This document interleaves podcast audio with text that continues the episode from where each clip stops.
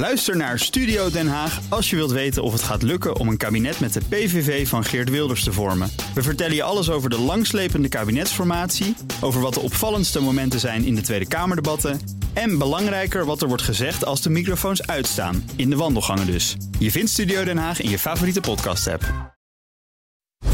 Cryptocast wordt mede mogelijk gemaakt door BitTonic. Al tien jaar lang de Bitcoin-autoriteit van Nederland. Scherp. BNR Nieuwsradio. Cryptocast. Herbert Blankenstein. Welkom bij de Cryptocast. Met vandaag de peer-to-peer cryptobeurs Paxful sluit de deuren vanwege een intern conflict. Het Amerikaanse ministerie van Financiën noemt decentrale financiële diensten een broeinest van criminelen, maar geeft toe dat in de misdaad de dollar domineert.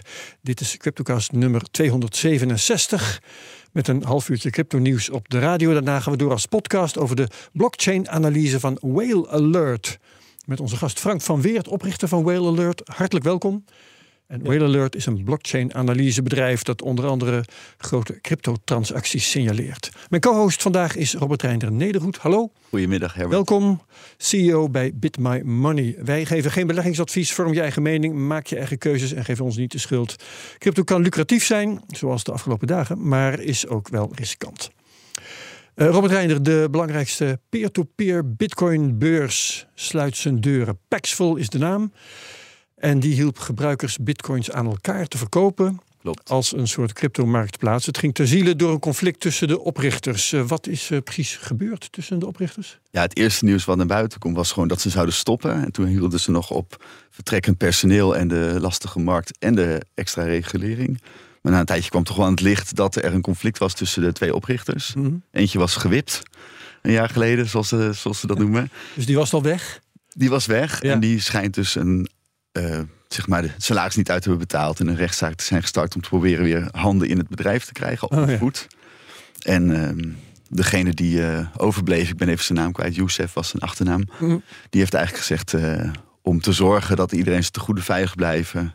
En, en het, het bedrijf kan doorgaan, althans niet doorgaan, maar in ieder geval niet ter ziele gaat aan schandalen.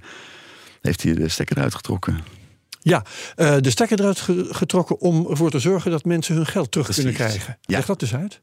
Nou, het is wel een crypto-to-crypto of een peer-to-peer marktplaats. Dat wil zeggen dat eh, anders dan bij eh, Coinbase of, of Kraken, nou, noem een Binance, willekeurige, ja. ja. de grote bedrijven, zeg maar, heb je een orderboek waarbij klanten wel onderling wisselen met elkaar, maar dat zien ze niet. Dus dat is eigenlijk anoniem. Of tenminste onzichtbaar.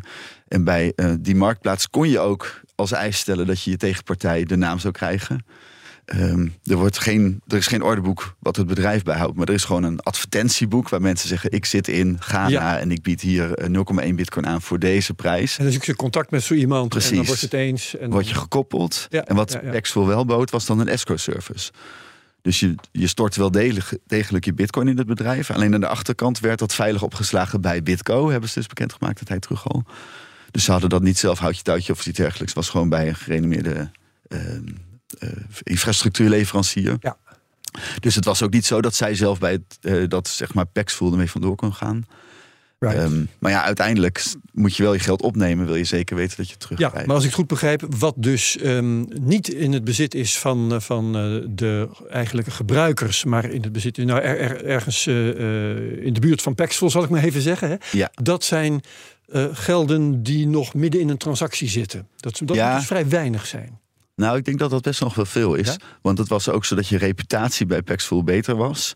Als je veel transacties deed, maar ook als je het geld er niet meteen afhaalde. Oh, Want dat was een soort, maar dat was niet om, wat was, dat is eigenlijk een soort, je zou kunnen zeggen, een soort staking. Dus als je geld laat Ja. staan, dan ben je dus betrouwbaarder dan als jij geld meteen eraf haalt ja, voor is- een tegenpartij. Want als er een claim komt, hè, als iemand zegt ik heb wel betaald, maar ik heb de bitcoins niet. Dat was natuurlijk eh, het risico van tussen, tussen twee personen handelen. Dan kon Paxful wel degelijk zeg maar ja. Eh, een beslag leggen op Je jouw maakt je daarmee enigszins kwetsbaar. Juist, dat is goed voor je juist, reputatie. ja. Oké, dat, is, dat is te volgen. Ehm, ja, eh, maar peer-to-peer, ja, dat is zoiets als eh, handelen zonder een derde partij. Het is wel gek dat je, om dat te kunnen doen, weer een derde partij nodig hebt, namelijk Paxful. Ja, ik denk dat net als ja, local bitcoins is uh, eigenlijk de voorloper. Die is eerder gestart. Dat was een andere, die is ook al opgeheven. Die is in februari dit jaar gestopt. En dat was echt, dat kon je ook nog in fysiek afspreken. Dus ging je bij de McDonald's zeg maar afspreken Op om een bitcoins. ergens in Ja, de ja, ja, ja. Eh, maar er was natuurlijk een tijd dat dat gewoon een oplossing was. Ja. Voor het vinden van iemand. Ja, zeker in het begin. eh, helemaal in het begin, hè, meer dan tien jaar geleden, was er geen eh BitTonic of BitMamani. Maar dan was het gewoon, ja, zoeken we. Ik heb mijn eerste bitcoins ook via Marktplaats gekocht in 2012. Ja, ja, ja, ja, ja.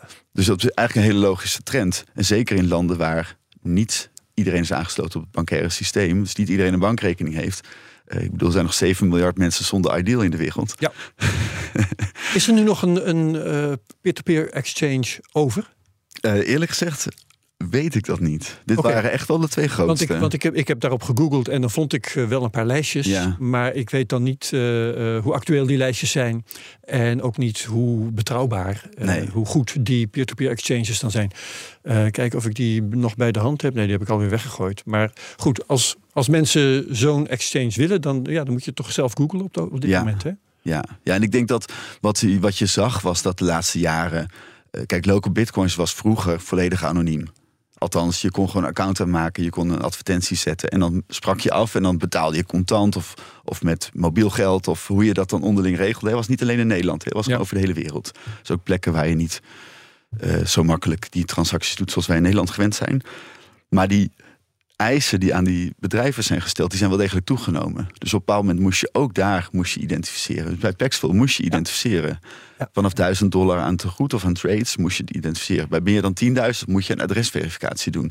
Dus eigenlijk de Ja. drempel bij de marktplaats is best wel hoog geworden. Ja, en dan is het ook alweer minder peer-to-peer. Hè? Want Dan is het minder centrale partijen peer-to-peer, ja. in ieder geval gegevens meer. Frank van Weert, ehm, oprichter van, van Whale Exchange, blockchain analysebedrijf. Vind jij het belangrijk dat er peer-to-peer exchanges zijn? Ehm, ja, het is gewoon onderdeel van, de, van het ecosysteem natuurlijk. Hè. Mensen Mhm. willen bitcoin kopen. En zoals je al aangaf, het is voor veel, Kom iets dichter bij de microfoon als je het is veel mensen moeilijker om... eh, ja, als je, geen, eh, als je niet in het westen woont bijvoorbeeld... is het al een stuk mak moeilijker om je, om je geld over te maken... om bitcoin te kunnen kopen. Ja. Ehm, dus ja, het, het is gewoon... dit is heel belangrijk voor, voor die mensen in ieder geval... Ehm, het, het, het gaat ook niet verdwijnen. Het is ook niet verdwenen. Het is, ik denk ook niet dat eh Paxful is, eh, schijnt gewoon eh, onder een nieuwe naam verder te gaan ook.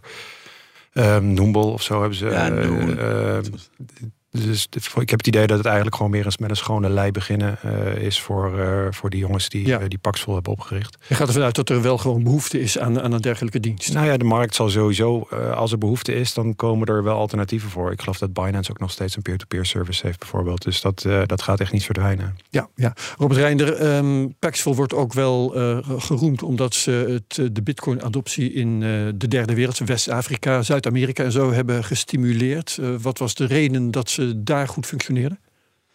Nou, kijk, het is eigenlijk wat ik altijd zeg over Nederland. We zijn hier heel erg verwend met Ideal en met eh, binnen Europa, CEPA's, dat je binnen drie uur in principe je geld in een ander land kan hebben. Ja. Ja, in Zuid-Amerika en in Afrika heb je de grootste gedeeltes eh, van de bevolking die gewoon niet aangesloten zijn op een bankrekening. Maar die hebben wel mobiel geld bijvoorbeeld. Dus dat is een markt waar je dus eh, onderling mobiel geld aan elkaar kan overmaken en bitcoins daarvoor in, in ruil kan krijgen. Ja, eigenlijk dat- handiger dan een, een centrale. eh, Het is op dat moment de enige optie voor die mensen, tenzij ze zeg maar op, echt op de markt of fysiek het gaan doen. Dus dat is wel degelijk een gat wat nu lijkt te vallen. Hoewel inderdaad een van de oprichters, tenminste dat is niet helemaal duidelijk, maar ze, ze raden een nieuw bedrijf aan waar je het hetzelfde Ja. kan doen. Nou, Frank zegt ook dat de grote exchanges hebben ook peer-to-peer varianten. Hè? Daar komt het eigenlijk op neer. Eh, ja. Ja. ja. Alleen dan is de vraag of die mensen daar ook met mobiel geld of iets dergelijks kunnen betalen. Dat weet ik dan niet. Oké. En, Ehm, en nog één ding. Zij stimuleerden ook, hadden ook Paxful University. En ze, ze stopten heel veel geld ook in de Afrikaanse landen om daar eh, jeugd op te leiden met bitcoin kennis en eh, ontwikkelaars te, te werven. Dus dat is Paxful al, Data Business, maar gaf Ja. ook terug. Ja, precies. Ja, dat is netjes. Dat is, hoe heet het ook weer? Maatschappelijk verantwoord Ja. ondernemen. Ja. Oké, ehm, tijd om naar eh, Bert Slachter te gaan. Analist bij de digitale nieuwsbrief Bitcoin Alpha voor onze wekelijkse eh, prijzenrubriek. Goeiedag Bert. Goeiedag. Eh, champagne eh, open op tafel staan op dit moment? Ja, zeker. Een heleboel bubbels. Vertel, want de, de koersen maakten een sprong eh, vannacht. Hoe komt dat? Ja, van, ja, vannacht. Maar eigenlijk, um, om, om, dat te duiden, moet je wat meer afstand nemen. Want we zien al een paar maanden toegenomen vraag naar Bitcoin. Veel nieuwe entiteiten op het netwerk, bestaande entiteiten, die laten hun balans groeien, dus die kopen bij. En dat opvallend is daar dat de spotmarkt leidend is. En soms is dat ook de derivatenmarkt, maar dat is nu dus niet. Bitcoins worden gekocht en van exchanges afgehaald naar wallets. Ja, en dan, dan op een gegeven moment gaat die koers stijgen. We zaten nu drie weken Um, vlak onder de 29.000 dollar. Op vijf individuele dagen probeerde die koers er doorheen te komen, maar er was nog te veel aanbod. Vooral Um, wat speculanten die in december, november, december gekocht hadden, ingestapt waren, die namen nu winst. Maar dat houdt op een gegeven moment op en dat was vannacht. En dan ja, gaat die koers uh, door die 29.000 dollar heen. En dan zie je dat daarboven ook allerlei um, um, beleggers hun short posities moeten sluiten. Oh ja. Dat voegt dan brandstof toe aan die stijging. En voor je het weet zit je inderdaad boven de 30.000. Ja, uh, en, en uh, je hebt uh, diverse keren, onder andere in de Bitcoin Alpha, heb jij dat niveau van 28.800 een betekenisvol niveau genoemd. zitten we nu flink boven. We zitten op dit moment rondom de 30.000. Wat zegt dat voor hoe het verder gaat? Ja, je zou kunnen zeggen dat die 28.800 ongeveer om en nabij... dat dat de onderkant is van de zone waarin de boelmarkt van 2021 zich afspeelde. He, dus daar, daar begon de hype zo in het voorjaar van 21 tot en met het ruwe afscheid van de boelmarkt met de Celsius crash in juni 22. Hè, dus bijna anderhalf jaar daarboven gezeten. Je zou dat kunnen zien als de scheidslijn tussen de boelmarkt van 21 en de bearmarkt van 22. En daar zijn we dus opnieuw boven gekomen. Um, in, in, de, in de voorgaande um, bull en bear cycle. In 2017 zag je een beetje hetzelfde. Toen was dat niveau 6000 dollar. En we zien ja. dezelfde soort patronen in allerlei data. En um, dus ja, dat is wel betekenisvol. Maar het gaat hier, dat hoor je ook wel, over de termijn, over de tijdschaal van jaren. En als je daarin van een omslag of een overgang wil, wil spreken, dan gaan we niet over één nacht ijs. Dan, zouden we, dan willen we eigenlijk dat we een, een, een, een, nou ja, een week lang die koers daarboven zien. Hè, dat de week ook sluit boven die koers. En dat je het op een gegeven moment ook nog weer eventjes test als steun. Want het is ook heel wel mogelijk bij dit soort betekenisvolle niveaus dat, er, um, dat het even heel kort is en dan dat het dan juist naar beneden gaat. Dat noemen we dan een fake-out of iets dergelijks. Ja, ja. Uh, dus het is uh, wat dat betreft ja, uh, het even aankijken ook. Ja, uh, nou zeg jij dat aanbod van, van bitcoins op dat niveau van 28800 was op. Um, maar je kunt je wel afvragen, wat is daar dan de oorzaak van? Hè? Ik, ik lees van alles in de cryptopers uh, over renteverwachtingen bijvoorbeeld. Hè? De, de vooruitzichten van, over die renteverhogingen zijn redelijk gunstig, namelijk dat ze langzamerhand een keer ophouden. Ik lees over die instappen. Ik lees ook over het printen van tethers, waardoor uh, er nu meer uh, koopkracht is, zeg maar, om, om bitcoins op te nemen. Wat, wat is het volgens jou? Kun jij een van, iets aanwijzen dat op dit moment de doorslag heeft gegeven? Nou, ik wil in ieder geval over twee wel iets zeggen. Um, die whales, kijk, als je nu kijkt naar um, wat er gebeurt hè, in, de, in de, um, de, de blockchain data, dan zie je dat juist dat de totale saldo van alle whales bij elkaar afneemt en het totale saldo van alle kleinere bitcoin-bezitters toeneemt. Hè. En Mhm. onder die whales, daar zitten natuurlijk ook allerlei bedrijven, hè, exchanges, brokers, OTC-desks, hedge funds. Ja, ook. Nou, die neemt dan toevallig wat toe, hè, maar ook niet met enorme aantallen. Maar je ziet eigenlijk een beweging van, van heel grote partijen naar de kleinere individuele entiteiten toe. Hè. En ook, ook de groep um, zeg maar onder één bitcoin. Hè, dat zijn dus echt de, de, de, de, de, de, de, consumenten. Ook daar groeit het. Dus dat van die whales, ja, dat zie ik zo niet. Dat, hè, dat die nu heel groot aan het kopen zijn. En wat de Tether betreft, ja, de, de, de totale omvang van Tether die groeit inderdaad. Uh, best wel sterk ook. Maar dat loopt, die groei van Tether die loopt heel precies mee met de afname van USDC en BUSD. Dat zijn Ah. die andere twee stablecoins. Ja. En die dalen onder andere door de onrust bij Silicon Valley Bank. En wat BUSD betreft, omdat ze daarmee moeten stoppen. En dus dat is ook logisch. Uh, dus ik, ik zie niet zo dat er nou Tether wordt geprint om daar dan Bitcoin mee te kopen. Hè. Dat wordt vaak gesuggereerd. En de totale hoeveelheid stablecoins die neemt ook al een, ongeveer een jaar af. Hè. Dus het is ook niet zo dat daar heel veel bij komt. Dus die twee zie ik niet zo direct als oorzaak. Nee, ik zou dit toch echt op dit moment toeschrijven aan gewoon een organische vraag naar, uh, naar Bitcoin. Ja. Uh, zijn er nog verder belangrijke evenementen deze week die invloed hebben op de prijzen? Um, ja, twee. Eentje buiten en eentje binnen de crypto. Binnen de crypto is, um, ik denk woensdagavond rond middernacht... dan is er een belangrijke upgrade bij, uh, van het Ethereum-netwerk. Um, en dat zou wel voor wat, wat volatiliteit kunnen zorgen. Ja. Wat, wat, wat mensen die daarop speculeren. Of misschien gaan er wel dingen mis, weet jij veel. En dat kan ja. zich door de hele uh, cryptomarkt heen bewegen. En uh, een andere is, dat is dan buiten de cryptomarkt. Dat is dat morgen op woensdag 10 april de uh, inflatiecijfers in de Verenigde Staten worden bekendgemaakt, de CPI. Ja, en als dat heel erg afwijkt van de verwachtingen, dan kan dat op alle financiële markten wat voor wat rimpeling zorgen. En dus ook voor uh, bij Bitcoin. Ja, oké. Uh, dankjewel Bert Slachter voor dit moment. Meer details te vinden in de digitale nieuwsbrief op bitcoinalpha.nl. Gaan we verder met uh, nieuws met Robert Reiner, Nederhoed en Frank van Weert. Het Amerikaanse ministerie van Financiën kraakte een aantal weken geleden nog crypto in zijn geheel af. Um, en nu is specifiek de beurt aan decentralized finance, DeFi zoals het vaak wordt genoemd, is een broeinest van criminaliteit volgens een rapport van het ministerie dat uh, donderdag is verschenen. Het 2023 DeFi Illicit Finance Risk Assessment. Nou, Robert Reinder, uh, hebben ze een punt dat daar heel veel criminaliteit in plaatsvindt, die DeFi? Nou, ik heb het gelezen. Het was een uh, zeer uh, complex uh, statement met allemaal mooie woorden. Kijk erbij of je ervan hebt genoten. Ja, nee, ik heb wat woorden opgeschreven. Die ga ik zo zeggen. Dat vond ik leuk. Oh, okay. Maar um, ik denk eerlijk gezegd dat Frank daar meer over kan zeggen. Maar ik heb zelf, ik zit heel erg aan de witte hoek. De witte hoek? de witte hoek, nou ja, ik bedoel, wij zijn gewoon een Nederlands bedrijf geregeld. Dus ik heb heel weinig oh, zicht eigenlijk erop. En ik denk, ja, ja. Um, ik denk dat het argument voor het behoud van privacy bijvoorbeeld een hele goede is. Ik weet niet of hoeveel, welk deel van de mensen die dat soort services gebruiken. Dat DeFi een verdienste heeft omdat je daar beter je privacy. Oh ja, nee, sorry. Bedoel jij dat? Um, Vraag ik. Ja, ja dat, nou voor specifiek dit onderdeel. Dus DeFi is natuurlijk heel breed. Ja. Ik bedoel, zelfs Bitcoin is in principe DeFi. Is decentralized finance, dus wij zijn dicht. Oké, okay, ja, ja, ja. Geld. Um, volgens mij richt zich hier heel erg op de Tornado Cash-achtige. Ja, de wit, maar, maar DeFi. ook uh, DeFi is bijvoorbeeld ook uh, leenplatforms uh, die werken ja. via smart contracts. Ja, en um, ik, vind, ik, vind, ik vind het gewoon nou, heel lastig. Ja, ja, ik vind ja. wel.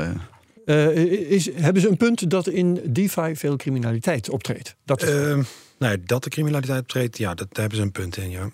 maar uh, ik denk wel dat je moet realiseren, bijvoorbeeld als je over een Uniswap hebt of zo, dat dat natuurlijk DeFi-platforms zijn. ja, je kan, daar, je kan daar geld witwassen. is het een goed idee? Nee. alles staat op de blockchain. Het is ook heel makkelijk te achterhalen waar het heen gaat. Dus, dus als je, als je denkt dat, dat, dat het een goede manier is om je sporen uit te wissen, nee, dat is niet zo. Uh, wat wij vooral zien, uh, omdat wij, uh, wij, wij doen ook aan, aan scam tracking. wij zien dus wel dat er, ja, er wordt, er wordt dus wel gebruikt om gelden van scams wit te wassen. Ehm, dat nou de realiteit is, je hoeft daar, als je geld wilt wisselen in, in, in, in crypto, daar hoef je helemaal niet zo moeilijk over te doen. Je stuurt het gewoon naar een groot exchange en bent klaar. Ja. Um, dus ik, ik vind het weer een beetje bangmakerij. Ja, uh, ja zoals cash is nog steeds king. Uh, als je, je gaat geen drugsimperium opbouwen op, uh, op DeFi. Dat doe je nog steeds op, op cash. Ja, en dat zeggen ze trouwens ook, dat geven ze toe, het ministerie van Financiën in de Verenigde Staten, hè, dat criminaliteit net zo goed bij cash te vinden is als bij crypto. Maar heb jij via blockchain-analyse, kun jij daar iets zeggen over um, waar nou naar verhouding het meeste criminaliteit te vinden is?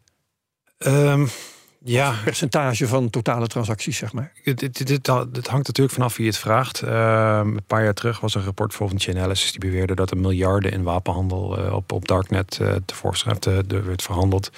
Ehm, ik geloof dat heel veel van die getallen zijn gewoon overdreven. Wij zien het namelijk zelf niet dat daar schrikbarende indicatoren zijn dat dat, dat veel voorkomt. Um, wat we dus wel zien is veel scams dat is ook, nou ja, misschien komt het ook een beetje omdat we ons daar voornamelijk ja, op richten. De bekende rug pools, dat organisatoren ja, van een of andere collector er met de poet vandoor gaan. Ja, dat soort dingen. Uh, wat nu ook heel erg populair nog steeds is, om een of andere reden, zijn bijvoorbeeld die giveaways van eh, Elon Musk. Uh, stuur je bitcoin naar ons en je krijgt de dubbele terug. Ah, ja. Ik ben in een goede bui en ik, mijn naam is Elon.